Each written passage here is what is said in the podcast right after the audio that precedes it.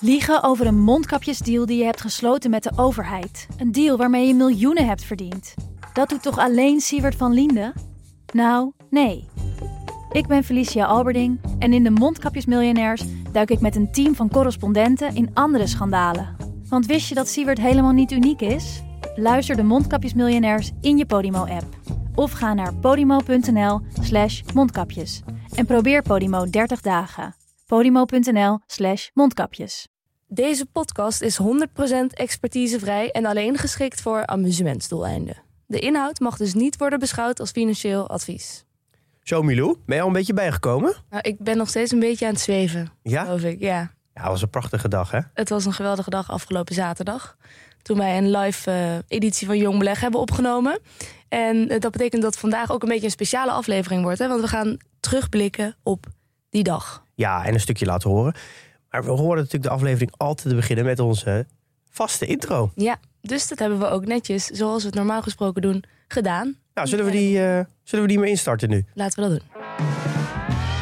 Dit is Jong Beleggen, de podcast. Ik ben Milou. En ik ben Pim. En in deze editie hebben we live publiek in de Kleine Comedie in Amsterdam. Ja, we lopen het levensverhaal van de podcast door. Jullie hebben al wat kunnen zien. Ja, we gaan een beetje toneel spelen nog. En misschien gaat er nog wel meer gezongen worden. En jullie misschien ook wel. Ja, ik hoop het wel. Maar er is natuurlijk ook inhoud. Straks gaan we het hebben over lange termijn handelen in een korte termijn wereld. En we hebben het natuurlijk over de malheur waar we al de afgelopen elf maanden in zitten. Eh, deel 2 gaan we echt de diepte in met een paar bekende gasten. Mhm, te weten Dennis Emmelkamp, Mees Bovenlander en Paul Wicht. En we gaan het hebben over contrair beleggen met Dennis. Omgaan met volatiliteit. En crashes met Paul. Milou, ben je er klaar voor? Zin in! Nou, let's go! Let's go!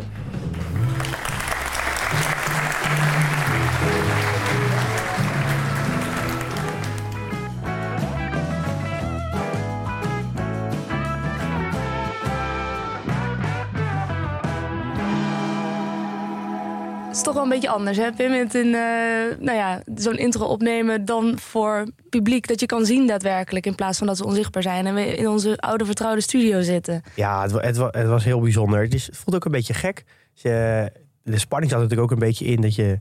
ja, in de studio kunnen we gewoon de boel stilleggen. Ja, Heel veel ruimte voor eh, fouten. het viel mij ook op. Mijn stem klinkt hier wat hoger, omdat je... Als je, je veel energie hebt en je, je veel spanning, dan ga je een soort van gillen of zo. Ja, ja ik hoop, je gaat harder praten hè? Ja, Het was ook heel leuk om. Ook eigenlijk wel gek dat je, als je op het podium staat, dat je eigenlijk. Je ziet, je ziet helemaal niemand. Je ziet een soort van zwarte zee ja. aan, aan een soort van hoofden. Maar Ja. je, ziet niet, je ziet geen gezichtsuitdrukkingen. Mm, eigenlijk is het hetzelfde als hier. Hè? We weten dat ze luisteren, maar we zien ze niet. Ja, het voelt wel ongemakkelijk om daardoor constant het publiek in te kijken. Omdat je namelijk geen. Je krijgt geen feedback vanuit het publiek. Dus het- Ja. Ik merkte heel vaak dat ik de neiging had om, eh, al- om de andere kant op te kijken, omdat ik toch geen mensen zag. Ah, Dat, dat voelde, voelde heel gek. Maar door elke moest ik me aan herinneren, kijk weer naar, kijk weer naar voren. ja. Ja. Maar eh, Michiel, gaan we even, even een stapje terug. Hoe, eh, hoe heb je die voorbereiding ervaren naar de toe? Ehm, Is dit, was dit de eerste keer voor jou zo, eh, zo op het podium? Nou, ik sta wel eens op kleinere podia als ik iets aankondig of presenteer. Ik organiseer soms van die theateravonden. Maar dit was wel voor het eerst dat ik daar met een hele eigen nou ja, voorstelling stond. Ehm, heel vroeger, toen ik klein was, ook nog van een theater wat opgetreden. Wel viool gespeeld en muziek gemaakt. Het theater gedaan. Ehm, maar dit was, dit was wel uniek ook voor mij. Dus ik vond het ook wel heel spannend. En ik dacht van, ja, we hebben nou iets bedacht van tevoren. Maar werkt dat wel, weet je wel? Wij zaten... We hadden een hele duidelijke taakverdeling volgens mij. Ja, heel duidelijk. Ja. Jij ging over de inhoud en ik over de show. Ehm, het had niet veel gescheeld of het was een musical geworden, want da- dat had ik dan bedacht. Eh, maar jij dacht, ja, maar mensen komen ook wel voor inhoud. En die willen ook wel weer iets nieuws horen. Dus we moeten, dat wel, we moeten daar een balans in vinden. Ja, ik denk als ik er niet was, dan eh, had je een soort van Joop van de Ende theatershow gemaakt, denk ik. Ja, ja, als ik de kans had gekregen wel. Ja. Maar het is gewoon, het is zo'n, omdat ik dit verder nooit doe, wil je dan meteen helemaal uitpakken. En van tevoren ben je dan super enthousiast. En in de week dat het dan daadwerkelijk gaat beginnen, denk ik van... Willen mensen wel horen dat Ja. ik liedjes ga zingen? Willen mensen wel theater? Of willen ze gewoon inderdaad echt alleen een live podcast? Ja, maar ik, je hebt het fantastisch gedaan. Ik denk daardoor zat, zat er in die dag van alles. De meeste mensen luisteren natuurlijk een podcast met een tweede activiteit. Dus of ze gaan Ja. als standaard met de hond wandelen, of ze rijden naar huis. En eh, ik kreeg ook naar de hand ook reacties. Dus van ja, ga ik naar een podcast kijken. En ik had geneiging om dingen te doen, want ik luister altijd naar jou als ik iets aan het doen ben. Oh. Dus ze zei, het is juist heel fijn dat je, dat je allemaal kleine blokjes hebt. Dat je constant geprikkeld wordt, weer iets nieuws. Dat, dan heb je niet het gevoel gehad dat je, dat je wat wilde doen. Ja. Dus, eh, Nou ja. dus die theater was, eh, was heel goed. En wat die balans betreft, hoe, hoe was het voor jou, de voorbereiding? Want jij zat dus vooral op de inhoud. Ja, nee, ja eigenlijk de, in de basis niet heel anders dan, eh, dan normaal. De uitdaging zat hem vooral hoe kan je iets leuks brengen in een hele korte periode. Want normaal hebben we natuurlijk een uur. Om, eh, dan kun je helemaal een eh, opbouw maken en eh, een soort van eh, goed fundament leggen om een heel groot punt te maken. Ja. Nu was het natuurlijk allemaal wat, ja, moest allemaal wat korter. Eh, maar eigenlijk niet heel anders dan normaal. Het, zit hem, ja, het zat hem vooral in hoe zorg je dat het leuk is om, om er naar te kijken. Ja, een beetje show wil je eromheen, een beetje grapjes, een beetje een, Ja. le- een, een leuke, gezellige dynamiek. Ja. Maar volgens mij is dat heel goed gegaan. En ja, die taakverdeling ging fantastisch. Ja. Ik, eh, hoe ik het zelf omschreef, is dat jij bent een soort van eh, vis in het water op het podium. en ik zit een beetje aan, de rand- aan het randje van mijn comfortzone. Ja, aan het randje van de kom. Ja, Eh, probeer je uit de, uit de bak te springen. Nee, maar ik vond wel, jij hebt het ook super goed gedaan. Voor iemand die zich dan niet helemaal net als ik dan een vis in het water voelt. Dat heb je helemaal niet gemerkt. Jij klonk heel relaxed en het, het voelde ook allemaal heel soepel. Maar goed, dat laat ik ook natuurlijk aan de luisteraars die erbij waren. In de show zijn we begonnen met eerst een deel van de podcast met elkaar samen. Eh, zoals we meestal ook in de studio zitten. Ehm, nou, we hebben ook kort gezegd waar het over ging. Eh, zullen we maar gewoon beginnen? ja, laten we beginnen. Ja, je ziet nu vooral om je heen dat het gaat vooral over korte termijnen. Je ziet allemaal berichten over, natuurlijk over de recessie, zoals de cijfers uitkomen de laatste weken. Dan zie je alleen maar dat het over de, dat, over de proble- problematiek van nu gaat. Mhm. De, vaak zie je omzet dalen. Bedrijven zijn toch wat meer cyclisch dan verwacht. Ze dachten natuurlijk dat er geen enkel bedrijf meer cyclisch was. Eh, de, alles ging tot aan de hemel. Blijkt natuurlijk niet zo te zijn. En ja, dan krijg je allemaal, eh, allemaal berichten dat het niet zo goed gaat. Ja. En dit is eigenlijk juist het moment dat je van korte termijn naar lange termijn moet Ja, switchen. want dat gaat In ge- in gedachten. over de korte termijn. Hè? Al dat nieuws, het gaat allemaal over wat is er nu aan de hand. Maar als je gewoon uitzoomt, dan... Ja, als je uitzoomt weet je dat het altijd weer beter gaat. Hè? Oh, Het is, eh, Ja. dus, eh, lange termijn denken is, dit is de ideale fase om dat te gaan doen. Dat Ja. gaat je ook eh, op lange termijn het, het, het beste werken. Ja, waarom dan? Waarom heeft een, een, een belegger zoveel aan zo'n lange termijn mindset? Nou ja, kijk, we kennen de compounding. Dat gaat alleen maar werken als je het lang volhoudt. Eh, en eh, alle mooie dingen die gebeuren altijd op het lange termijn. Als jij nu iets nieuws start, dan kan iemand anders het, dan kan iemand anders dat hoogwaarschijnlijk ook. Maar Ja. als jij al tien jaar hetzelfde doet, en jij, eh, dan ben je eigenlijk niet meer te kopiëren. Want dan heb je, een tien jaar voorsprong. Dat is alle dingen die op lange termijn. Daar zit echt het mooie. Daar zit de pot goud op het lange termijn. En dat geldt natuurlijk voor, voor deze fase ook. En, Want het is een fase, zeg je. Hè? Want we hebben het dan over... Je hebt al cyclische aandelen gezegd. De cyclus, wat bedoel je daar ook weer mee? Nou, we hebben daar een mooie afbeelding. Dat kunnen we nu, eh, kunnen we nu doen, eh, nu dat we een beamer hebben. Eh, Het is uniek, hè? Voor het eerst dat we beeld hebben bij de podcast. dit geeft het wel een beetje mooi aan hoe, hoe, ja, hoe de beurs kan bewegen of überhaupt een cyclus beweegt. Ik denk dat iedereen is een beetje begonnen aan de rechterkant van de afbeelding. Eh, alles was koopwaardig, dat spreken we over 2020. Eh, het maakt eigenlijk niet uit wat je kocht, of je nou ervaring had of, of, of weinig ervaring of veel ervaring. Je had eigenlijk altijd wel een goede succesrate. Nou, dat hebben we allemaal ervaren. 2020 is, heeft, hebben de meeste mensen een positief rendement. Ja, als er En- alleen maar groene ballen in een pot zitten. Ja, dan de- is de ballen- kans dat je een groene bal Ja. pakt. Ja. Maar dat is natuurlijk nooit oneindig. Eh, dus het switcht een beetje. En dan zie je als het de, de- ja, langzaam de cyclus verschuift, dan zal je zien dat er steeds minder koopwaardige aandelen zijn geweest. Eh, en dat hebben we gezien, denk ik, eind vorig jaar. Dat er steeds meer rode ballen in de pot Rode ballen in de pot. Het is heel moeilijk om, om nog aandelen te vinden. Ik denk dat, dat, dat je dat nog ook wel kan herinneren. Eh, en dat is gewoon een periode dat je, dat zie je in die lijnen die tussendoor gaan, dat een succesrate van het aandelenselect, eh ja, met een, een uh, aandelenselect die, die, die een goede succesrate hebben, vrij laag wordt. Mhm. En dit is een beetje hoe de cyclus beweegt. Waar En zitten we nu? Ja, dat durf ik natuurlijk niet te zeggen. Oh. Dat kan je natuurlijk altijd pas achteraf zeggen. Oké. Eh, Nou, achteraf, eh, Captain Hindsight. Eh, ja. ik denk dat het heel belangrijk is dat je goed begrijpt dat de economie en dus ook de bedrijven gewoon op een cyclus bewegen. Eh, en dat maakt het denk ik ook wel rustgevender dat als je het nu wat minder doet of als de, de beurzen wat slechter gaan, de economie gaat slechter, dat je weet dat het tijdelijk is. Maar waarom maakt dat zoveel uit om te weten wat precies het moment van de cyclus is waarin je belegt? Ehm, nou, ik wil het nou niet zozeer over timing hebben. Ik denk dat het heel goed is dat je beseft waar je in welke situatie je begeeft. Eh, want Dat dat, je weet hoeveel groene ballen er in de pot ja, zitten want dan weet je ook, als, je het, als er dus heel veel groene ballen in zitten, dat je eigenlijk een soort van all-in kan gaan. En als? Je, eh, nee, in de vorm van Ja. dat je wat eh, offensiever kan beleggen. En als, je, als er heel weinig eh, ballen, groene ballen zijn, dat je wat, misschien wat defensiever gaat beleggen. Ja. Ehm, maar dit is natuurlijk een beetje, wel een beetje timen van de, van de cyclus, maar het is ook contrair beleggen. Daar gaan we het zo over hebben.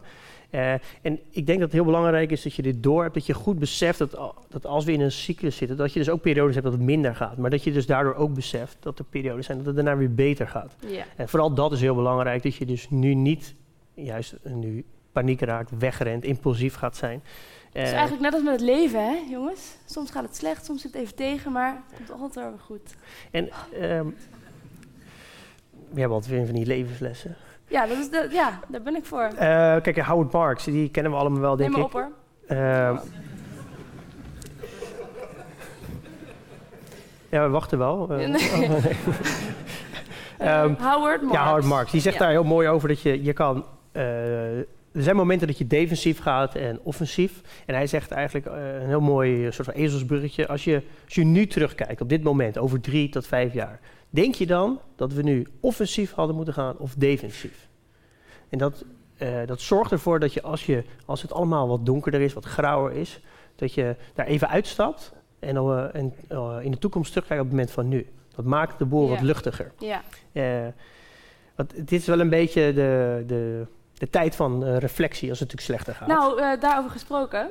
Ehm, ik zat even op internet te kijken. Soms plaatsen mensen wel eens ergens opmerkingen. eh, dat doen ze ook wel eens anoniem. Iemand heeft geschreven over jong beleggen.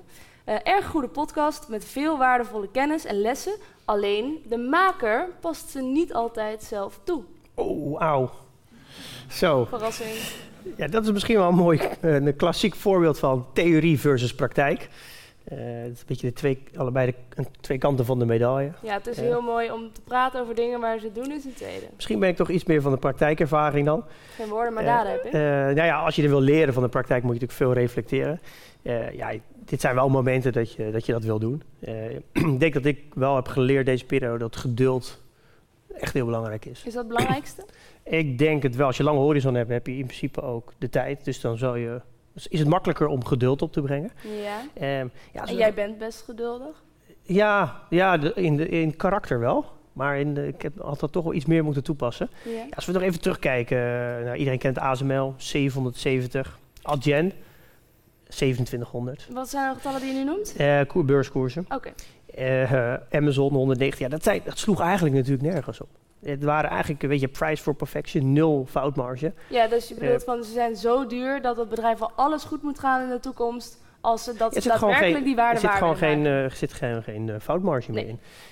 Eh, dus ja, dat is met geduld. En we merken nu, we dachten eigenlijk dat al zulke soort bedrijven, de, alle chippers en misschien ook wel de advertentiebedrijven, ja, dat die misschien eigenlijk helemaal geen, geen, geen cycli meer hebben. Dat, daar ging ook heel vaak over. Hey, chipbedrijven zijn toch traditioneel cyclisch? En dan werd er al gezegd, nee, niet meer, want eh, elektrische auto's, heel veel chips. Nou, dan krijg je allemaal van die verhalen. Grappig hoe eigenwijs mensen zijn, terwijl de geschiedenis elke keer weer laat zien dat Ja, recency bias. Hè? het toch weer gebeurt. Ja, en toch eh, trap je, daar, trap je daar heel erg in. Jij ook. Eh, ja, ik ben er natuurlijk ook in getrapt. Ja. Jullie Ja, allemaal niet, hè?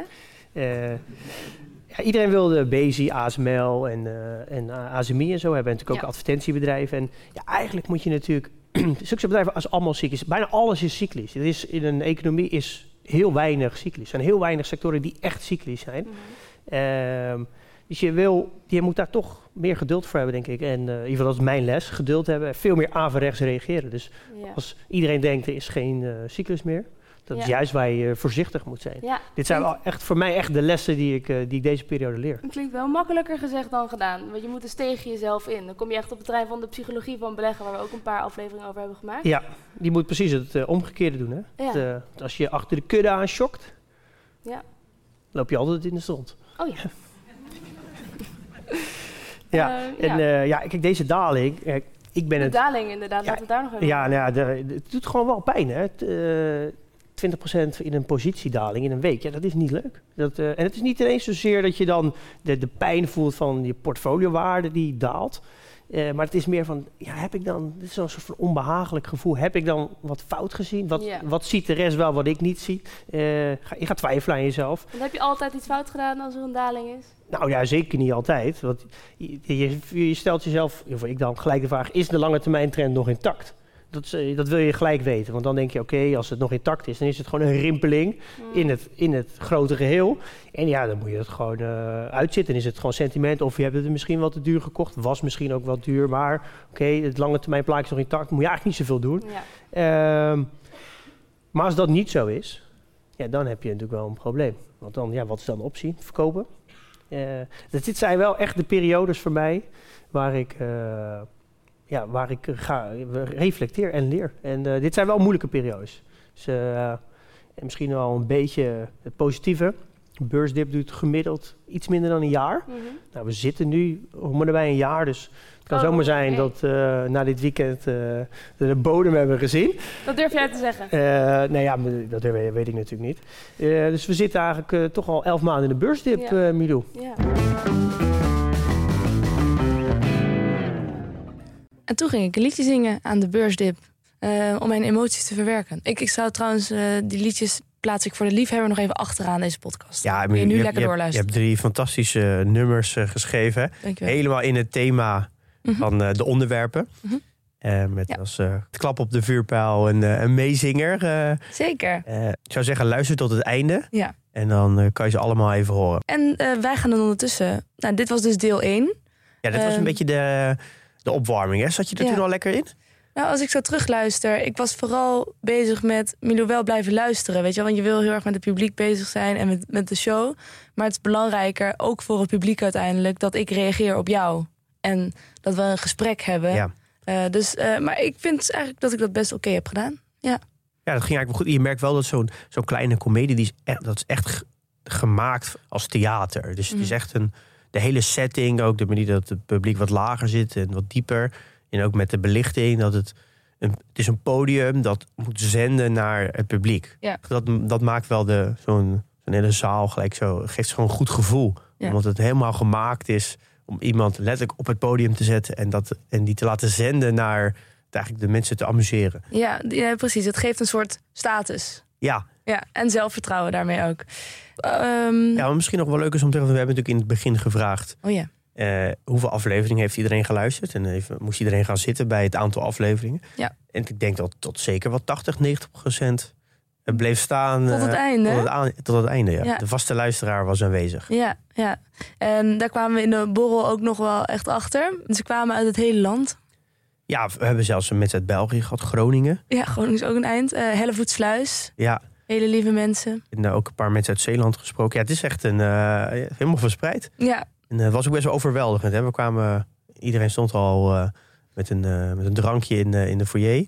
En toen kwamen wij daar binnen en in één keer... het is het 300 man die zo naar je toe staat te kijken. het was echt heel bijzonder, die Ja. ervaring inderdaad. Ja, heel leuk om, Dat, dat je op een feestje komt waar, waar, je iedereen, waar iedereen jou kent, maar jij eigenlijk nog niet heel veel andere mensen. Weet je wel? Ja. Het is, Ja, het was wel leuk om, Ja. om iedereen eh, te spreken. En ook hoe iedereen een ander gevoel heeft bij de podcast. ja. En ook een lange borrel werd, het, hè? We zijn uiteindelijk weggestuurd 2,5 uur later. Ja, dus dat vonden ze daar zelf ook wel uniek, geloof ik, bij de kleine Nou, het is wel grappig dat... eh, ehm, we- ik hoorde via eh, mijn schoonouders... die stonden met mijn zoon in... eh, op een gegeven moment die was heel aan het praten. Die hoorde je op het begin ook. Ja. Toen kwam de, de bestuurder, een van de bestuurders van, of de manager van de kleine comedie, die zei: Toch wel interessant zo'n podcast. Eh, hier moeten we eigenlijk wat meer, eh, wat vaker wat mee doen. Alleen, ik begrijp echt helemaal niet wat ze aan het vertellen zijn. Oh, nou ja, dan doen we iets goed en ook iets minder goed. Dus misschien is het voor de, voor de kleine comedie zelfs een, eh, ja, een soort van nieuw, een nieuwe hoek waar ze in kunnen gaan om Ja. andere podcasters ook Ja. ruimte te bieden. Ja, ik moedig het aan. Zeker, ja. En ik stel me beschikbaar. Eh, nou, toen was het tijd voor deel 2. En daarin hadden we een paar vaste gasten uitgenodigd. Eh, nou ja, Paul, Dennis en Mees.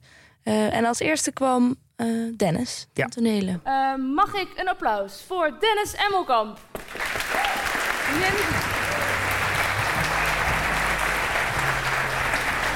Hi, Dennis, lekker, dankjewel. welkom. Ga lekker zitten. Ja, dankjewel. Dennis, welkom. Leuk dat je er bent. Ja, ik eh, heb je natuurlijk hierheen gevraagd omdat jij alles weet over contrair handelen. En niet Ja. alleen weet, maar het ook in de praktijk toepast. En dat is in Mhm. deze tijd nogal relevant. Ja. En laten we daar eens induiken. In, Mhm. in een van de laatste afleveringen heb je aangegeven dat je portfolio langzaam aan het veranderen is van waardebeleggen Mhm. naar meer cyclische en groeiaandelen. Kun je eens uitleggen, waarom voel jij je daar zo comfortabel bij? Ja, het is, het is natuurlijk typisch contrair, zeg maar. Ehm, het is comfortabel omdat de meeste beleggers die zijn natuurlijk heel erg geneigd om te zoeken naar ehm, ehm, beleggingen die bij het nu passen. Nu hebben we inflatie, nu hebben we hogere rentes. Dus artikelen die je nu gaat lezen, wat je gaat zoeken, waar nu vraag naar is, is en waar moet ik dan in beleggen in deze tijden? Maar in de praktijk zie je natuurlijk dat als je dat gaat doen, dan loop je een beetje achter de feiten aan. Iedereen doet dat al. Iedereen doet dat. En als je gewoon kijkt naar wat er gebeurd is, als je ergens halverwege uh, vorig jaar, waren er geen artikelen van waar moet je nou in beleggen als de inflatie 15% stijgt. -hmm. Nu kan je wel degelijk vinden van ja, nu moet je in uh, grondstoffen zitten of uh, iets wat in ieder geval met de inflatie lekker meestijgt. Maar ja, Shell had je moeten kopen voordat er inflatie was. Dat was ergens, wat is het, anderhalf jaar geleden. Toen was het interessant, toen was het ergens tussen de, wat is het, tussen de 11 en de 15 euro. Ja, als je dat nu nog gaat doen, dan is de vraag of je nou echt uh, ja, maar je zegt dus eigenlijk als je dus heel veel content consumeert van het nu, mm -hmm. korte termijn content, dan loop je eigenlijk altijd achter iedereen aan. Dan ben je altijd te laat. Ja, dat is wat gebeurt. Maar is, het is best moeilijk om contrair te gaan. Want dat betekent dat je dus, ja, je gaat dan bijna in je eentje er tegenin. Ja. Hoezo voel jij je daar comfortabel bij? Ja, je zit natuurlijk in een minderheid, maar het verleden, als je al een tijdje belegt, merk je elke keer dat dat wat je leest. Ik, ik kan me herinneren, eind 2018 bijvoorbeeld, was die handelsoorlog met China en zo. Um, dus er waren allerlei beperkingen. Toen las je ook eind 2018, dacht je in bijna elk artikel, je nu niet in China beleggen. Want dat is allemaal riskant, de economie zakt een beetje weg daar. En het wordt op de benen gehouden door de overheid. En ik geloof dat die dag, dat hè, aan het eind van het jaar die voorspellingen kwamen, dat was de bodem van uh, de Chinese markt. Daarna is het nooit meer op dat punt gekomen, alleen maar omhoog gegaan. En zo heb ik elk jaar is er wel een voorbeeld te benoemen um, uh, waar het zo gaat. Ja, Op het moment, je, bent dan, je loopt erachteraan, zeg maar. Maar jij belegt al een heel lange tijd. Is het, was jij al, altijd comfortabel met het contrair gaan? Of heb je dat door de jaren heen geleerd? Ja, dat is het denk ik. En ik had wel de mazzel, want ik begon natuurlijk in uh, uh, 2008 in die financiële crisis. Dus ik had zag al heel snel dat alles wat toen, wat je vooral niet moest kopen of wat ellende was, ja, dat waren precies de beleggingen die het heel goed deden. Dus ik had wel, mijn leerschool zat wel helemaal aan het begin van mijn uh, traject. Is, is, dat, is dat vergelijkbaar met de mensen die dat nu meemaken, denk je? Um, ik denk het wel, ja, want als je natuurlijk zowel in de coronaperiode en nu, Um, ja, dat, je gaat natuurlijk wel heel erg merken um, wat je eigenlijk had moeten hebben. En dat heb je nu wel, denk ik, in sneltreinvaart kan je dat nu leren en meemaken. Ja. Heb jij een specifiek voorbeeld? Want we hebben het uh, laatst in een aflevering over Microsoft gehad. Mm -hmm. Dat jij op een gegeven moment uh, had. Ja. En wat gebeurde er toen? Ja, want daar ging die mis bij mij. Ja. Um, wat daar gebeurde, ik, ik was heel erg overtuigd van Microsoft op dat moment ook. Maar dat zat heel erg in het verdomhoekje. Dat was echt wel in de periode dat uh, uh, de PC's gingen eruit, zeg maar. Apple kwam op. Dus Microsoft was een beetje de oude bende. Alleen, dat zat natuurlijk in de hele corporate wereld nog maximaal overal in. En die waren van alles aan het ontwikkelen. Dat zag er ontzettend goed uit. Maar goed, je las toen alleen maar, dat was allemaal uh, een slechte belegging, dat ging nooit wat worden en dan moest je in allerlei andere bedrijven zitten. Terwijl jij er overtuigd van was? Ja, ik was er heel erg van overtuigd. Um, maar goed, dat was in mijn eerste jaren van het beleggen. Daar heb ik echt wel de keuze gemaakt van, ja, weet je wel, de, het, het, zal wel aan mij liggen dan. Als, als de hele wereld of bijna iedereen zegt van, dit moet je niet doen, um, nou, laat ik dan maar gewoon een beetje eigen voor mijn geld kiezen. Het is goed zo. Ja, dat had anders kunnen lopen. Ja. ja. Maar je hebt je laten leiden door uh, wat men toen vond. Ja. Dus het contrair handelen is dan op zo'n moment best wel lastig. Je moet echt sterk in je schoenen staan. Ja, klopt. En het is meestal, je, je moet het um, uh, vaak uitleggen en mensen snappen het niet zo goed of zo. Denken van, ja, waarom zit je dit nou te doen, zeg maar. Um, ja. Ja. Maar het is natuurlijk niet zo'n moment dat jij zegt van, nee, nu ga ik contrair. Nee. Dus wat, wat zit daar wat zit daar fundamenteel onder? Is dat, mm -hmm. wat, wat bolt er bij jou op? Wat zit er dan dat je dan in één keer besluit, oké, okay, nu draai ik me om ja. en ga ik de, de, andere kant op? Het gebeurt eigenlijk al een beetje vanzelf op het moment als je gewoon de, de, bedrijven volgt en je waardeert de bedrijven, dan zie je op een gegeven moment als, als de bol aan het kantelen is, dan komen die er gewoon uit als veel interessanter. Die, um, wordt, ze worden goedkoper. En misschien niet als je ze alleen bekijkt in de huidige tijd, met wat er nu aan de hand is. Bedrijven die nu heel veel last hebben van inflatie, die zijn nu relatief goedkoop. Maar die inflatie blijft niet 10, 15 jaar hangen. Weet je, el ja. elke periode kent zo zijn eigen problematiek. Er is altijd problematiek, hè? er komen geen jaren waarin er niks is. Um, maar daar kan je wel tegen ingaan. Want als we straks in een periode zitten zonder oorlog, zonder uh, inflatie, of dus een beperkte inflatie, uh, dan sta je er een stuk beter voor. Ja, ik kan me nog goed herinneren dat je, ik denk dat het ergens 2000, uh, of was vorig jaar, uh, 2021, dat jij heel vaak zei, ja, het is wel echt moeilijk om het te vinden. Ja. En volgens mij heb je dan nu langzaam al zelfs je, je, je, je verwachte rendement al zelfs is opgeschroefd omdat er zoveel te vinden is nu. Ja. Zijn dat voor jou signalen dat je zegt, nou nu eh, zitten we echt, is alles te duur? Ja, eigenlijk wel. En ook daar, maar daar heb ik ook weer een les uitgetrokken. Want ook, want ik weet nog wel, we spraken elkaar af en toe eind 2021 inderdaad. En uh, ja, ik, ik, vond gewoon niet zoveel. Ik moest heel goed zoeken. En ook mijn, mijn portefeuille die ik toen had, die zat, het zat redelijk. Maar goed, ik kan niet alles verkopen. Um, dus achteraf gezien had ik daar best wel uh, nog meer actie op kunnen zetten. Want ik was daar ook redelijk overtuigd dat het relatief duur was. En er hoefde maar iets te gebeuren en de boel uh, gaat naar beneden. Dat heb ik niet gedaan. Er zat weinig foutmarge in. Hoe kijk je daar dan nu op terug? Zou je dat nu anders doen? Of Ja, vind je dan dat je dan te veel aan het bent? Ja, dat vind ik lastig. Ik denk er wel heel erg over na nu. Want ik denk, ik, over het algemeen, als je goed aan het waarderen bent, goed de tijd volgt en een beetje de waan van de dag eruit haalt, kan je best goed analyseren of iets uit dure voorkoop is. Dat is niet per se timen. Dus het is voor mij best oké om dan, misschien met kleine delen, hè, ik hoef niet gelijk mijn hele portefeuille heen en weer te schipperen, maar met kleine delen toch iets meer inspelen op dat, nou ja, timen of hoe je het wil noemen. Uh, Ja, maar meer dat gewoon offensief en defensief gaan. Dat- ja, dat- dat, dat, zit er dan een beetje achter. Ja. Ja. En kan je, kan je, wat kan je meegeven? Wat, wat voor lessen, vaardigheden moet, eh, moet iedereen hier ontwikkelen om dat ook te Ja, kunnen, precies. zoals jij Ja, dat het doet? zo er gewoon even de waan van de dag eruit halen en precies het tegenovergestelde doen. ja, en ook niet altijd. Je moet natuurlijk niet een soort van alle slechte bedrijven die, die iedereen slecht vindt eh, gaan kopen. Ik bedoel, een slecht bedrijf blijft een slecht bedrijf. De basis blijft natuurlijk altijd zoeken naar uitstekende bedrijven. Maar wat wel helpt, en dat is ehm, misschien nog wel de mooiste les voor particuliere beleggers. Juist die analyses over wat gaat er nu gebeuren, wat gaat er met de inflatie gebeuren, dat maakt niet zoveel uit. De al- de grote eh, effecten zijn allemaal effecten die we niet voorspellen. Eh, economen ook niet, beursexperts niet, die, zijn niet te voorspellen. Corona niet, eh hoge inflatie niet, oorlog niet. nou, 9-11 was ook niet te voorspellen. Dus dat kan je over het algemeen loslaten. Als je zoekt naar goede bedrijven, die misschien niet super interessant zijn op dat moment. Er komt een moment in de tijd ehm, eh, dat, het, dat het voor je gaat werken, zeg maar. Er komt een moment wat je niet voorspeld hebt, wat niemand heeft voorspeld. ehm, waardoor het in één keer een super interessant bedrijf is. Ja, en, en wat voor vaardigheden moet je dan hebben? Moet- Is het, is het veel meer eh, psychologisch? Je moet wat rust vinden in eh, eh, af en toe voor gek staan. Af en toe ook underperformen, zeg maar. Hè. Als je eh, eh, nu cyclisch aan het, eh, eh, je portefeuille cyclisch aan het inrichten bent.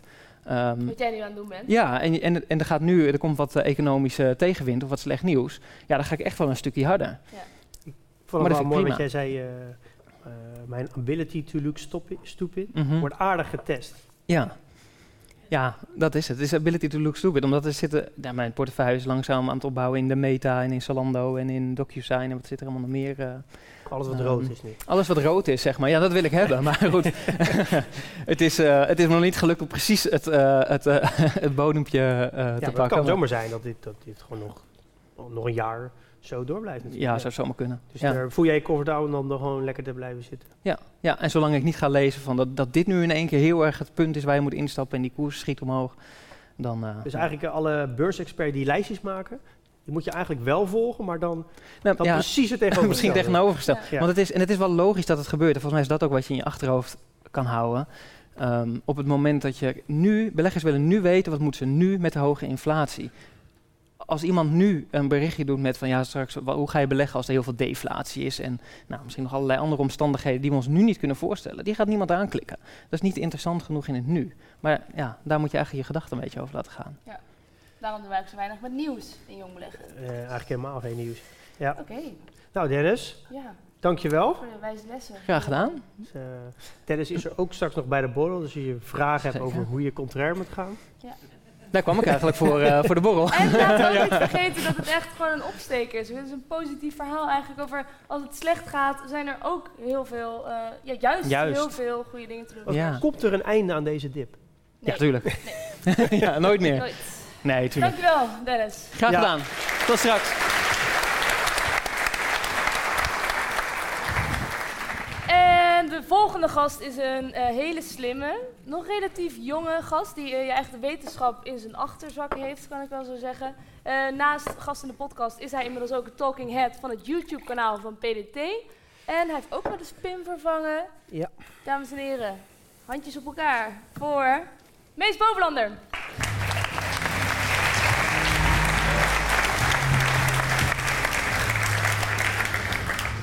Hey. Mees, welkom. Bedankt. Ik denk dat jij het wel grotendeels met Dennis eens bent, denk ik. We gaan het hebben over uh, omgaan met uh, volatiliteit. Uh, marktprijzen worden gedreven door vraag en aanbod. dus als je de beste prijs wil betalen, moet je zoeken naar aandelen waar weinig vraag naar is. Natuurlijk het droomscenario. Maar het lijkt wel elke keer als wij met elkaar praten, gaat het over volatiliteit. waarom ben jij daar zo door gegrepen? Nou ja, wat Dennis natuurlijk zegt. Um, het gaat inderdaad om vraag en aanbod. Het is een markt waarbij je uh, ergens waar veel vraag naar is, betaal je het meeste voor. Zo simpel is het. Um, maar er zijn ook die scenario's waarin een bedrijf om de goede reden uh, weinig veranderd wordt, dat er weinig vraag naar is. En bij volatiliteit heb ik het idee dat er eigenlijk de minst gegronde reden voor is waarom het goedkoop is, omdat er weinig vraag naar is.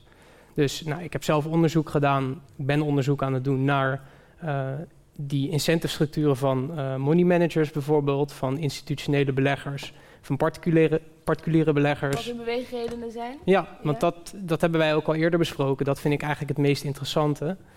En eigenlijk blijkt eruit dat beide partijen, institutioneel en individueel, uh, bepaalde incentives hebben om te kiezen voor hoge volatiele aandelen. En, Weet je ook waarom?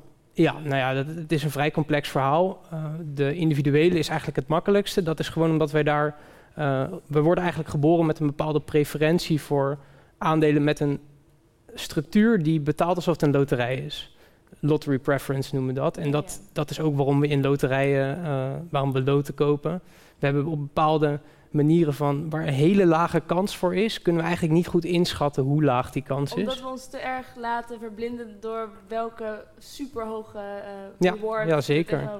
Ja, en bij institutionele partijen gaat het echt om die incentive structuur, hoe zij worden beloond voor hun prestaties. Omdat ze een performance fee hebben als het heel goed gaat. Ja, zeker. En uh, ja, er zijn allerlei modellen voor uh, hoe die dan keuzes gaan maken. En daaruit blijkt dat die geneigd zijn om hogere beta-aandelen te kopen. Ja, ah, okay. dus um, bedrijven die uh, heel volatiel zijn, dus groeibedrijven, daar kun je potentieel echt heel veel rendement mee maken. Je zou ook zeggen van hè, daar, uh, daar, is dus ook, daar zijn echt winsten te behalen als je die eruit kan zoeken. En toch zeg jij, maar het helpt toch beter als je in lage volatiliteit bedrijven gaat zitten. Dus bedrijven die minder dat heel erg op en neer. Gaan. Nou ja, je moet niet, begrijp me niet verkeerd, er zijn natuurlijk aandelen met hele hoge volatiliteit die heel goed presteren. En er zijn ook er zijn, in principe kan je elk scenario van elk bedrijf schetsen dat het goed gaat presteren. Maar je moet altijd bezig zijn met uh, waar liggen mijn voordelen, wat, waar heeft, is die kans het grootste.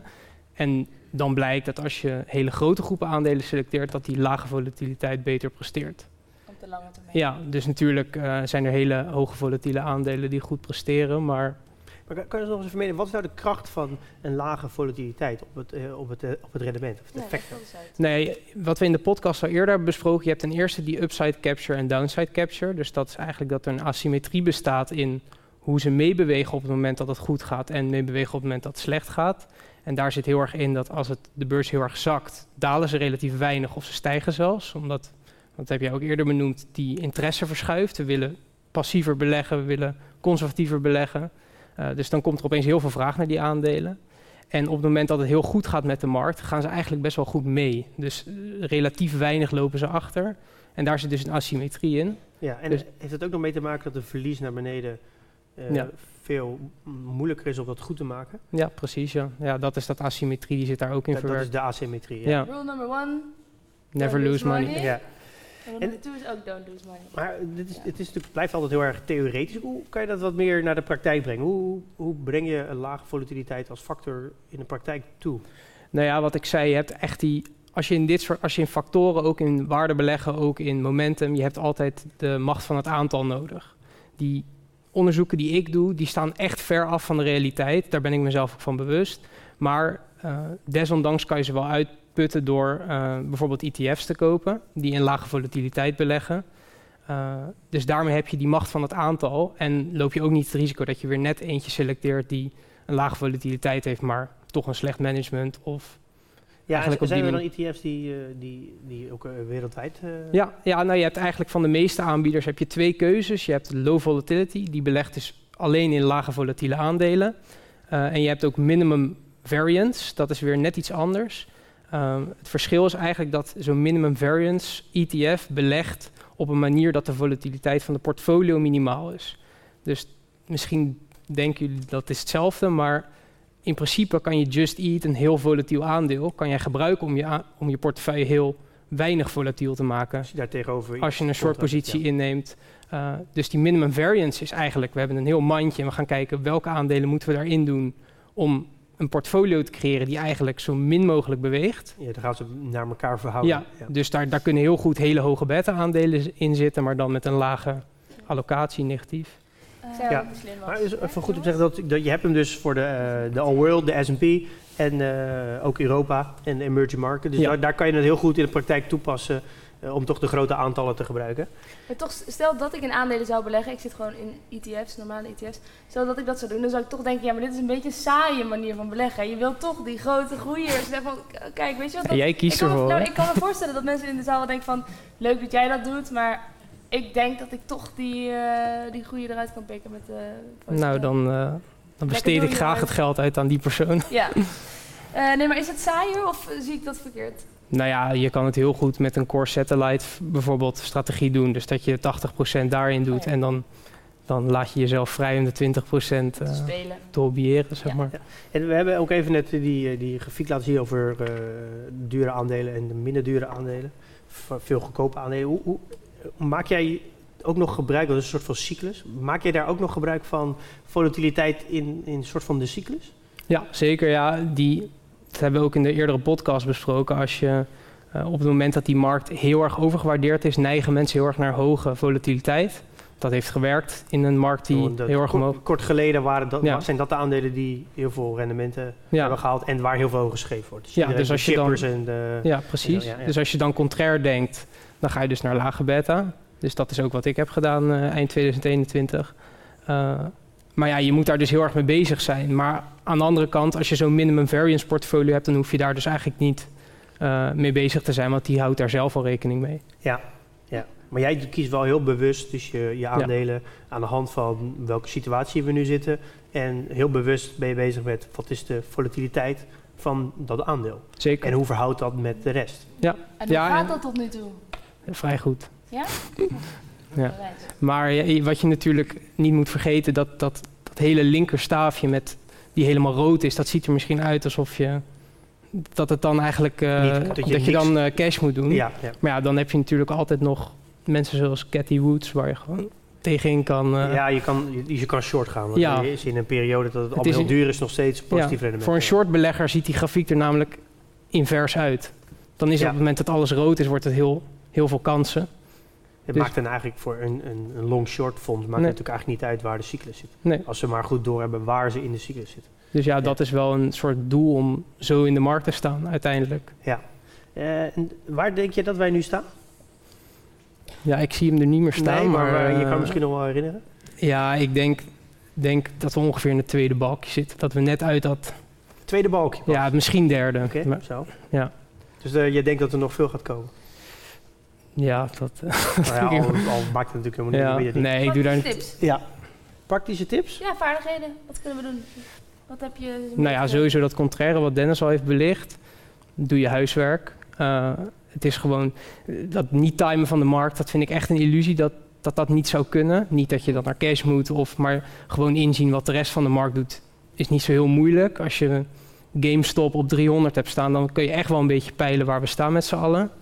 Eh, dus ja, je- ja, gewoon dat eigenlijk. Voel een beetje aan waar je staat. Ja. Je zegt, Als eh, jouw je buren kan dus- gaan beleggen, dan moet je gewoon... Je kan constant een, een soort van barometer, een eh, temperatuurmeter in de, in de markt steken en even, even aanvoelen waar we nu zijn. Ja. Dat is prima te doen. Ja. Helemaal als je er elke dag mee bezig bent. Zeker. Oké. Eh, dankjewel, Mees. Ja. Jullie bedankt. Ook voor na de borrel, als je veel wil weten over volatiliteit. Niemand. Even een biertje en... eh Dankjewel. Dankjewel, Mees. En dan is het tijd voor onze eh, derde en laatste gast. Eh, meestal kondigde ik hem in de podcast aan als optiehandelaar in rusten. Inmiddels is hij weer in full swing ehm, en is hij weer hard aan het werk. En hij weet alles van opties, beurscrashes, high frequency trading, eh mountainbiken, dat soort dingen. Hij weet er echt heel veel. Daar heeft hij namelijk al drie afleveringen over gemaakt bij ons. Niet over het mountainbiken trouwens, sorry. Ik ben eh, van alles aan het lullen, maakt niet uit. Eh, hier is hij, jongens, Paul Wicht.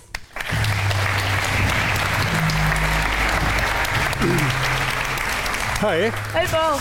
Dag. Ja, welkom Paul. Ja. Dankjewel. Er wordt wel eens gezegd dat ik veel kan praten. Dat is ook zo. Eh, ja maar Paul, als jij begint... zelf Eh, moet, je, moet je even leren wie de baas is, hè? Ja, dus het, dus het is nu even jouw show. Eh, eh, waar je het met ons over hebben? Over eh, portfolio theory, high frequency trading, beurscrashes, opties, alpha, beta, Ja, eh risk premium. Nou, brand los. ja nou, het, ik heb nu allemaal mooie pleidooien gehoord over eh, contrair beleggen en, en je, je huiswerk doen. Maar wat moet je nou doen als je er helemaal geen zin in hebt? Als je gewoon heel erg lui bent. Hè, dat, eh, Oh, ik, zit, eh, ik werk al in de, in de high frequency trading en dan zit je al de hele dag naar die koersen te kijken. Dan kom je s'avonds thuis, wil je dan nog alsnog inderdaad zelf gaan beleggen. Nou, gelukkig zijn er allemaal eh, technieken voor om daar wat mee te doen. Want ik hoorde in, toen ik in Delft ging studeren, ik heb ooit voor ingenieur eh, geleerd. Daar hoorde ik in mijn eerste college al van de voornaamste drijfveer van de ingenieur is dat hij lui is. Dus als hij ziet dat iets veel werk is, dan gaat hij zoeken van hey, kan ik dat niet een machine laten doen of kan ik daar machine voor bouwen? Eh, want dat is natuurlijk veel makkelijker. Dus ja, dat probeer ik met eh, beleggen ook te doen. Dus ik dacht misschien eh, kunnen we daar eens over hebben Nou van ja, hoe dat... eh, Ik denk dat, Dat er ongetwijfeld een hoop luie mensen in de zaal zijn. ja, ja. Nou, nou, brand los. je hebt, er is een eh, Nobelprijswinnaar geweest voor in de jaren 90, Harry Markovich. En die heeft het, de Optimal Portfolio Theory bedacht. En hij leeft nog steeds, heel oud. Hij is geboren in 1927. En dat is ook iemand die ja, iets, eh, geloof iets technisch heeft gestudeerd, iets in, eh, in de fysica.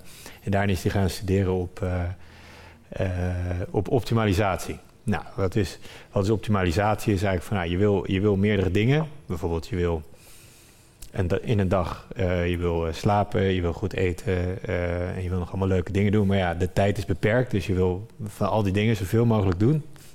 Terwijl je ook nog wel 24 uur in een dag hebt. Dus er zit vaak een randvoorwaarde aan. Dus hij dacht van, nou, is met aandelen is een beetje hetzelfde. Want je wil natuurlijk zo hoog mogelijk rendement, maar je wil ook niet te veel risico. Dus je moet even die dingen eh, tegen elkaar afwegen. En hoe doe je dat nou? Nou, toen heeft hij dat bedacht, maar daar was nog wel even een, eh, een bepaalde aanname voor nodig. En dat heet de, de efficiënte markthypothese. Oh ja. Hebben jullie het daar wel eens over gehad? Ja. Daar hebben we het wel eens over Zal ik het gehad, ja. uitleggen? Ja. Hetzelfde? Nee, ja, dat, ik, ik, het is allemaal klachten dus dat ik te veel eh, praat. Dus. dat alle eh, aandelen uiteindelijk eh, de waarde zullen gaan vertegenwoordigen met de informatie die beschikbaar is. Dus eh, mensen zullen aandelen gaan selecteren op wat ze weten. En dat zou er uiteindelijk in resulteren dat een aandeel ook zijn daadwerkelijke waarde Ja, zou moeten bereiken. Het- ja, precies. Dus goedkope aandelen bestaan niet. Eh, hè, dus contrair beleggen zou dan helemaal geen zin moeten hebben. En transactiekosten zouden niet bestaan. Nou, Ja. Gelukkig voor mij persoonlijk is de markt niet efficiënt. Daarom is het ook een hypothese en op dit moment nog onbewezen stelling. Maar je zou kunnen zeggen van nou, op lange termijn zal het wel efficiënt zijn. Want als aandelen te goedkoop zijn, dan komt Dennis langs en die gaat alles opkopen. En ja, dat drijft de prijs natuurlijk op. Dus dan staan ze daar natuurlijk niet meer, eh, niet meer goedkoop. En, en als het eh, risico te hoog is, nou, eh, je kan wel zien hoe het gaat. En nou, met transactiekosten is eigenlijk hetzelfde. Dan komen marktmakers erin, die proberen daar dan die transactiekosten te verlagen. Daar verdienen ze dan geld aan. Maar eigenlijk is, zou je kunnen zeggen dat als je de markt wil verslaan, dan moet je dus iets zoeken waar de markt niet efficiënt in is. En dat op te lossen. En daarmee voeg je waarde toe. En nou, daardoor wordt de markt efficiënter, zijn mensen blij. En kan je ook nog eh, geld verdienen. Maar goed, ik ben, het gaat nu als ik wat ik in de avonturen doe. En dan ga ik er maar even voor het gemak vanuit dat de markt eh, efficiënt is.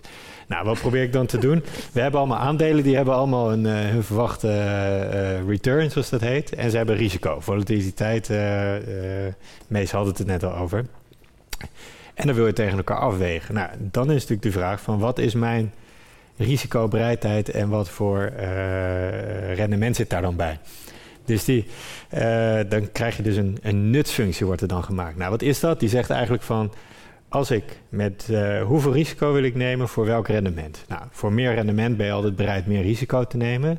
Maar je ziet ook dat dat soort nutsfuncties, die zijn niet lineair. Het is geen rechte lijn. Dat bij twee keer zoveel risico je ook twee keer zoveel rendement en dat dat prima is.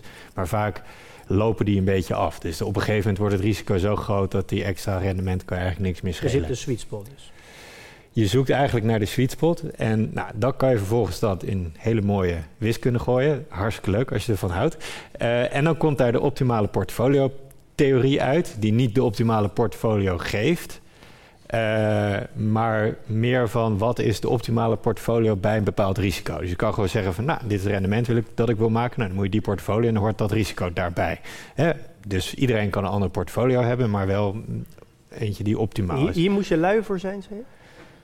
Nou, dat kan je gewoon uit Excel halen, dus die doet het voor je. Ja, oké, oké. Ja, je hoeft het ook niet te snappen, hè? dus dan Maar kan je hoe- dat gewoon even- gebruiken.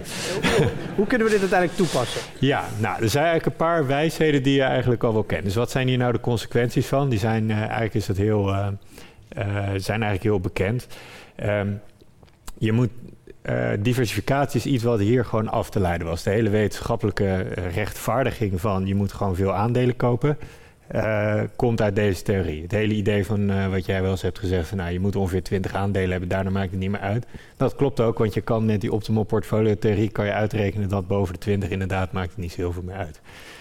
Eh, een andere, en die eigenlijk een beetje flauw, is dat er eigenlijk geen risicopremie op individuele aandelen zit.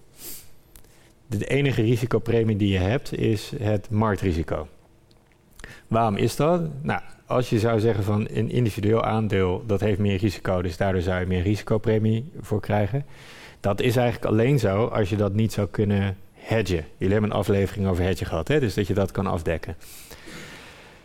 Nou, met diversificatie kan eigenlijk elk risico van individuele aandelen helemaal afdekken. Door er gewoon heel veel te hebben. Nou, wat het flauw daarvan is, is dat je daardoor heel weinig risico op eh, individuele aandelen loopt. Dus dat is heel fijn. Maar eh, ja, dan is het dus onder het mom van efficiënte markthypothese... kan je dus ook geen eh, risicopremie maar daarop Nee, vangen. Dus het enige... ETF natuurlijk.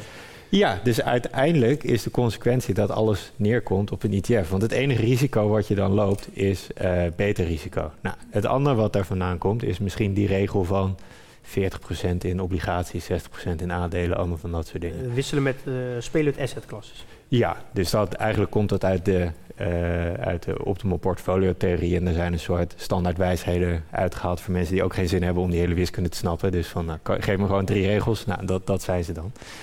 Uh, dus ja, als je dat volgt, dan uh, zou je eigenlijk een, uh, een optimale portfolio moeten hebben ten alle tijden. En dan hoef je er eigenlijk ook niet naar te kijken. Nou, maar dan is de conclusie dus, jij gebruikt dus wiskunde en technologie om uiteindelijk Ja. tot de conclusie te komen dat de ETF het beste is. Nee, dat niet dus. Eh, nou, dat zou een ETF-weging tussen obligaties en aandelen zijn. Want toen heeft uh, Taleb, die uh, kennen waarschijnlijk iedereen wel, ook van de aflevering van uh, Crisis. Ja, die wordt over een aantal dingen wordt hij heel erg boos. Namelijk die modern portfolio theorie, die gaat ervan uit dat je weet wat het rendement van een aandeel is. Dat je weet wat de volatiliteit is. En dat je weet wat de correlatie tussen al die aandelen en obligaties en dat soort dingen is. Nou, dat kan je voor het verleden allemaal wel uitrekenen, maar voor de toekomst heb je geen idee. De obligatiebeleggers kwamen bedrogen thuis dit jaar. Ja, en uh, er komt eigenlijk, uh, heeft hij laten zien dat als je dat allemaal niet, niet weet en dus het verkeerde uh, kiest, dan zit je, kom je, ben je altijd slechter af. Dus dan moet je daar eigenlijk ook niet naar kijken. Ja, het tweede is, en dat is ook altijd een ding van uh, Taleb, is dat het ervan uitgaat dat de wereld normaal verdeeld is. Hè, dat zit ook in dat volatiliteit of dat fixgetal. Dat is gewoon een normaal verdeelde variantie. Maar ja, in de echte wereld heb je, hè, in de Black Swan beschrijft hij dat als uh, mediocre stand, middelmatige land en extremistan. Ja, wat je in de aandelen hebt is ook wel dat, hè, uh, sommige die worden gewoon heel veel waard. En daar houdt het optimal portfolio theory niet tegen. Dus ja, dan kan je twee dingen doen. Of je gaat het nog veel complexer maken. Maar goed, ik was heel lui, dus dat gaan we dus niet doen. Nee. Dus dan kan je, moet je het eigenlijk nog veel simpeler maken. Uh, en dat is dat je dus eigenlijk helemaal geen obligaties moet hebben. Of heel weinig. Stop alles in de aandelen, want we zijn allemaal nog jong. Ja, en we hebben de tijd. En de beste beleggers zijn de dode beleggers. Dat was een van de eerste afleveringen altijd. Uh, daarna dus, vrouwen. En, en, daarna vrouwen, maar ik, ik hoorde dat ze dat niet meer over. Nee, dat mochten we niet meer zeggen. Ik ga er ook niet over speculeren waarom dat zo zou zijn. Uh, dus ja, ja. Dan, dan kom je op een hele makkelijke beleggingsstrategie uit. Dus op het moment dat je extra geld wil verdienen, zoek naar inefficiënties. Nou, het is wel veel werk, maar dat levert wel veel op als je dat goed doet. En als je lui bent, ja. dan beleg als een dooie. Ja. Dus uh, elk, elk, elke maand die spaarrekening een klein beetje leger maken. DCA in het goed gespreide ETF. Ja. En dan lekker wachten. En ja. geen paniek, hè? Want Ja. uh, je bent wel een beetje een toekomstvoorspeller. Want in aflevering 46 heb jij gezegd... er komt een crash aan. Nou, zit hier een beetje Ja, in. zal vast wel weer een keer komen. Nou, is dit een crash? Nou ja, een crash... Is dit een crash? Nou, nee, we het een crash? denk het niet. Nee. Nee. Wat, wat is het nu wel? Ja, de rente gaat omhoog. Ja. Ja, er zitten wel wat elementen in van, eh, van, van, van de, de, de Black Swan aflevering. Van op het moment dat je dingen hoort, die ding- dingen die altijd anders zouden zijn. Dus de rente die zal voor altijd laag blijven. Eh, technologie zal voor altijd hoog worden. Bitcoin is de toekomst. Op het moment dat dat soort spreuken zegevieren, dan, eh, dan weet je dat het misschien eigenlijk wel de, de, andere spreuken. kant, Ja. eh, ja, ja. Dan moet je de andere kant op gaat. moet je dus, eh, maar ja, wat ik al zei, het enige waar je met beleggen echt voor betaald wordt, als de markt efficiënt is, is risico, is beta-risico. Dus dit hoort er wel bij. Af en toe gaat het naar beneden, want dit is precies beta-risico. Ja. Eh, maar dat is ook waarom we gemiddeld over de hele lange periode ook wel Maar het is rendement maken. geen rekening die je betaalt als je lang belegt. Dan betaal je die rekening niet. Nee. Ja. Nee. Oké, Paul? Punt gemaakt. Ja, lang Dat- genoeg? Je Kort? Je mag Afkappen. de coulissen nog even doorpraten hoor. Nee, dan eh, gaan we met weer Dennis. En bij de borrel als je het met Paul hierover Ja. wil hebben. Dankjewel, Paul. Is goed. Heel erg bedankt.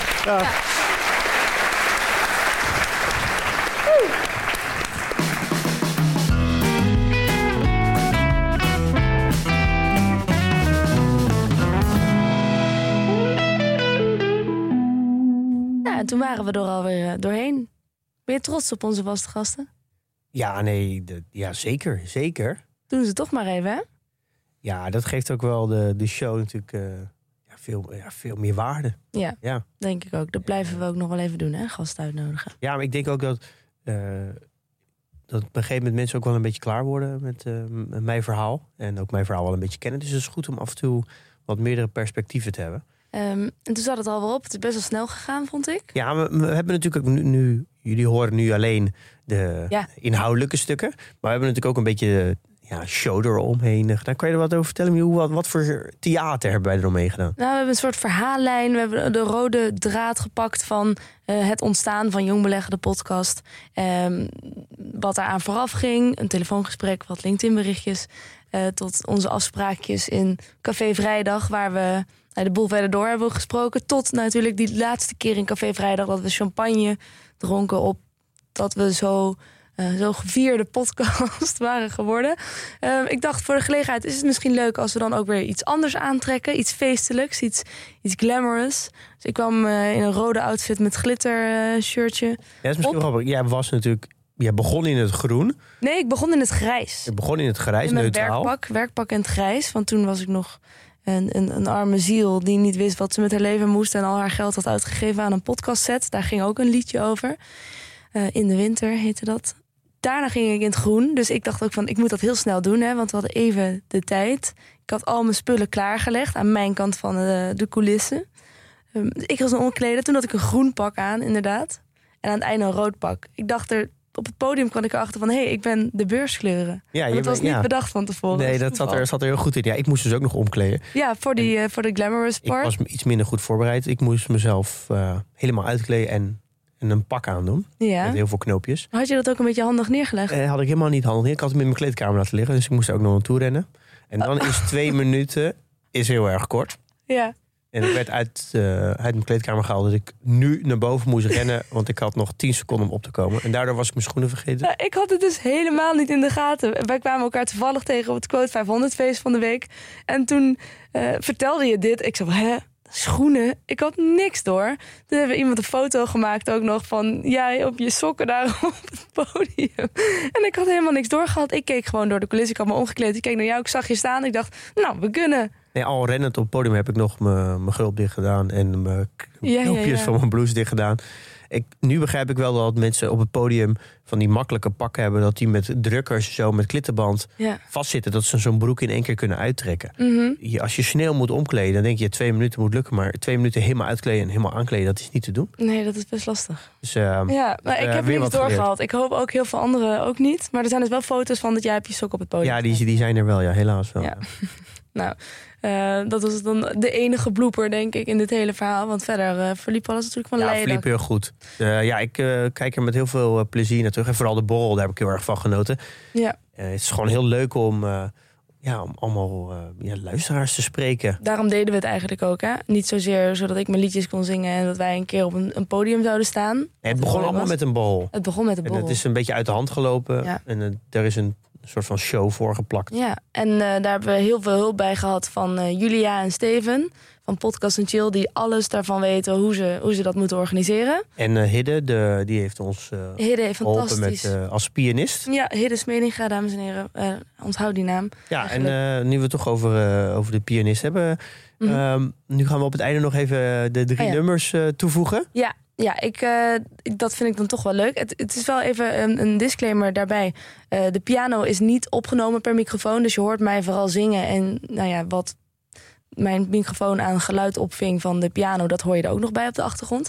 Dus eh, verwacht geen perfectie.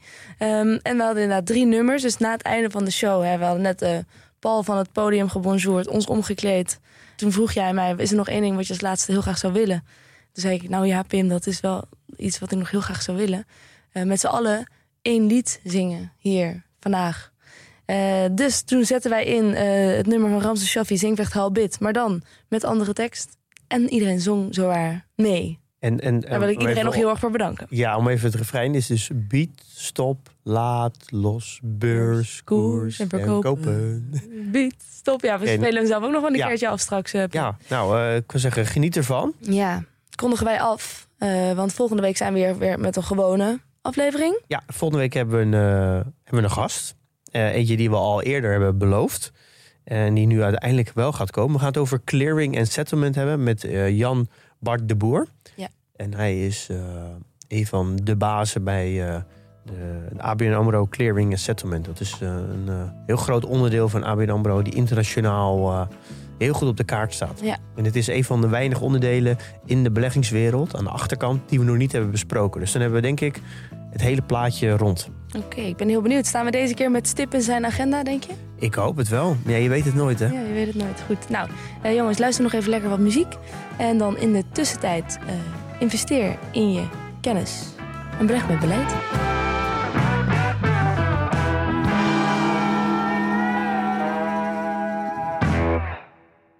Aan de beurstip.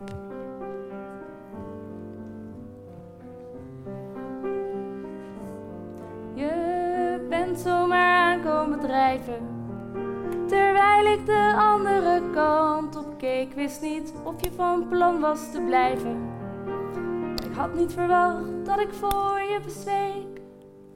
Maar op dat ogenblik, totaal onbewaakt, de koersen ver naar beneden gericht, heb je mij toch wel echt diep geraakt. Met beide benen uit evenwicht. Maar ik denk niet aan jou, zodat het niet waar is. Ik vergeet je weer gauw, omdat het gevaar is. Dat ook al ben ik een vrouw, niet handelen te zwaar is. Nee, ik droom niet van jou.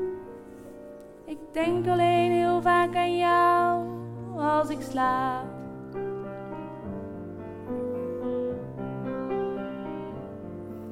Je beheerst nu mijn nachten en dagen. Je wandelt steeds binnen en komt naderbij, zonder het aan mij te vragen. Neem je de macht bijna over van mij. En terwijl ik je zeg dat je nu wel kunt gaan, heb ik toch blijkbaar per ongeluk zonder er erg bij stil te staan. Per ongeluk op verkoop gedrukt. Maar ik denk niet aan jou, zodat het niet waar is. Ik vergeet je weer gauw, omdat het gevaar is. Ook al ben ik een vrouw, niet handelen te zwaar is. Nee, ik droom niet van jou. Ik denk alleen heel vaak aan jou als ik slaap.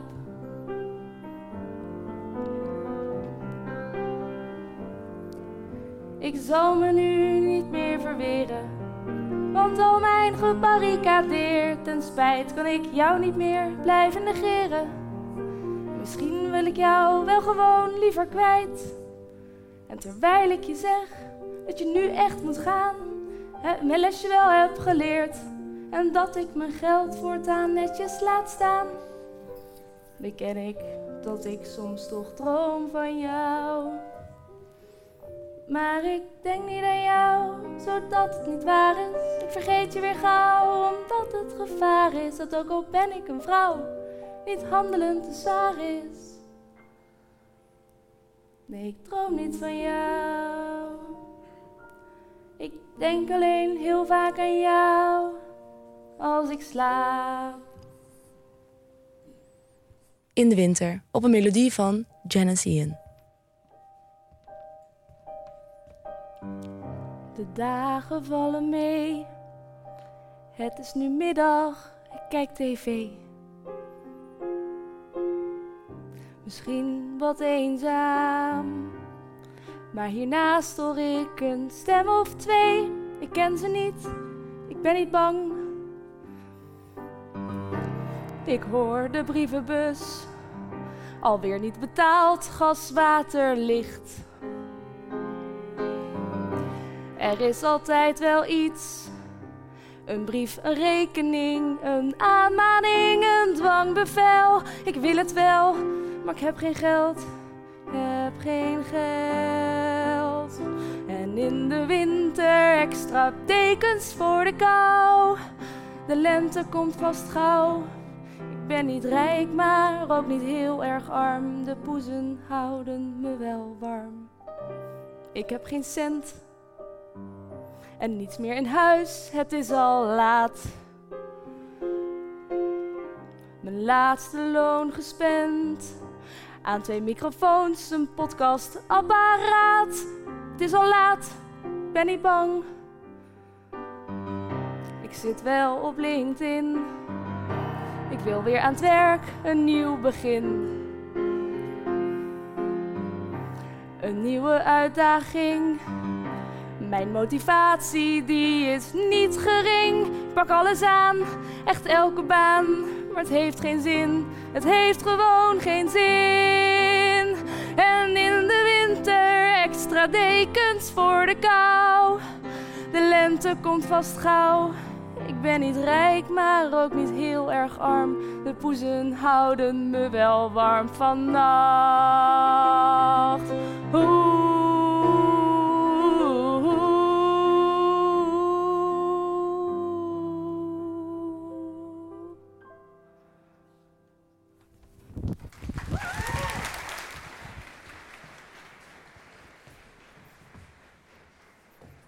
En ik zou ook eigenlijk wel heel graag nog een liedje willen zingen.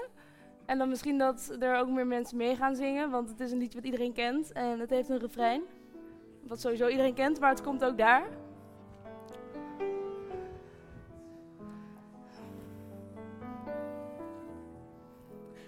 Voor degene met een baantje op de Zuidas. Voor degene die wasser is van ramen. Voor degene die verdient op het terras. Moet nu weten, we zijn allemaal samen.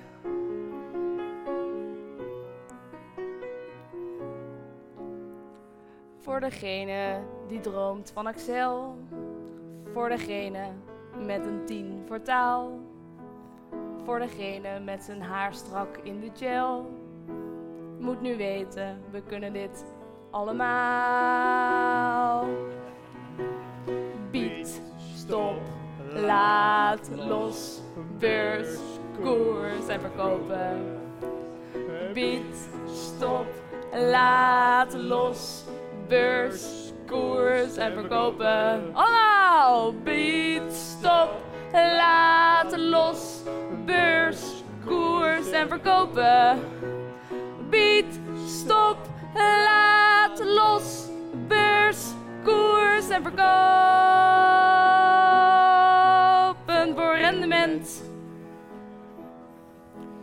Voor degene die nog niet bezig is met later. Voor degene die wil leven in het heden. Voor degene die denkt, hou liever je snater. Moet nu weten, we zijn uit hetzelfde hout gesneden.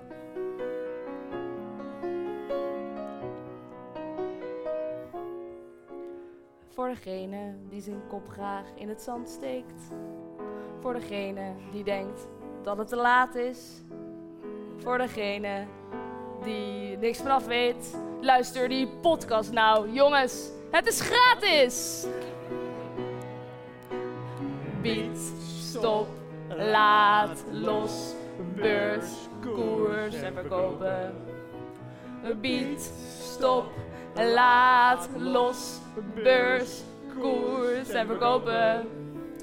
Bied, stop, laat, los, beurs, koers en verkopen. Bied, stop, laat, los, beurs, koers en verkopen voor rendement. Voor degene die vreest voor een recessie. Voor degene die zo goed is met tabellen. Voor degene die vreest voor een depressie. Moet nu weten, je kunt het nooit voorspellen. Laatste keer jongens, allemaal. Niet, stop, laat, los, beurs, koers. En verkopen. Bied, stop, laat, los, beurs, koers. En verkopen.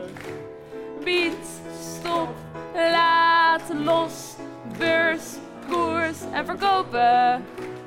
Bied, stop, laat, los, beurs, koers en verkopen voor rendement. En we zijn nog niet helemaal klaar, want we moeten natuurlijk nog een paar mensen bedanken. Ja. Eh, ten eerste natuurlijk, laten we ons even bijhalen. Paul Wicht, Dennis Emmelkamp, Mees Bovenlander. Applaus, mag wel. Ja.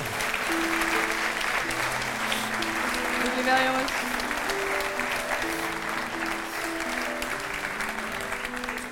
Ik wil ook eh, Sophie Konings, ik kan niet zien waar je zit, eh, daar bedanken. Eh, Alex Otto, Willem Burgers en... De rest. Natuurlijk Hille Smedinga, Nee, de pianist. Heel erg bedanken. Het hele team van Podcast en Chill. Ja. Julia en Steven, ook heel veel dank. De techniek van de Kleine Comedie, wat zijn ze En- lief, dank jullie wel. en eh, Bas en Brian van PDT voor eh, de deelname. Precies, applaus Ehm, nog even daarvan. En we, Eh, en straks hebben we natuurlijk een borrel hè, daarachter. ja, iedereen heeft een consumptie gehad, wij komen daar ook straks heen. Ja, beloofd. En Milou, Ja, zullen we hem nog één keer doen? we doen het nog één keer. Zijn jullie er klaar voor? Stop, laat los, beurs, koers en kopen. Bied, stop, laat los, beurs, koers en verkopen. Bied, stop, laat los, beurs, koers en verkopen. Bied, stop, laat los, beurs, koers en verkopen voor rendement, voor rendement, je rendement, je rendement, voor rendement, voor rendement, waarvoor? Voor rendement, voor rendement, voor rendement, voor rendement.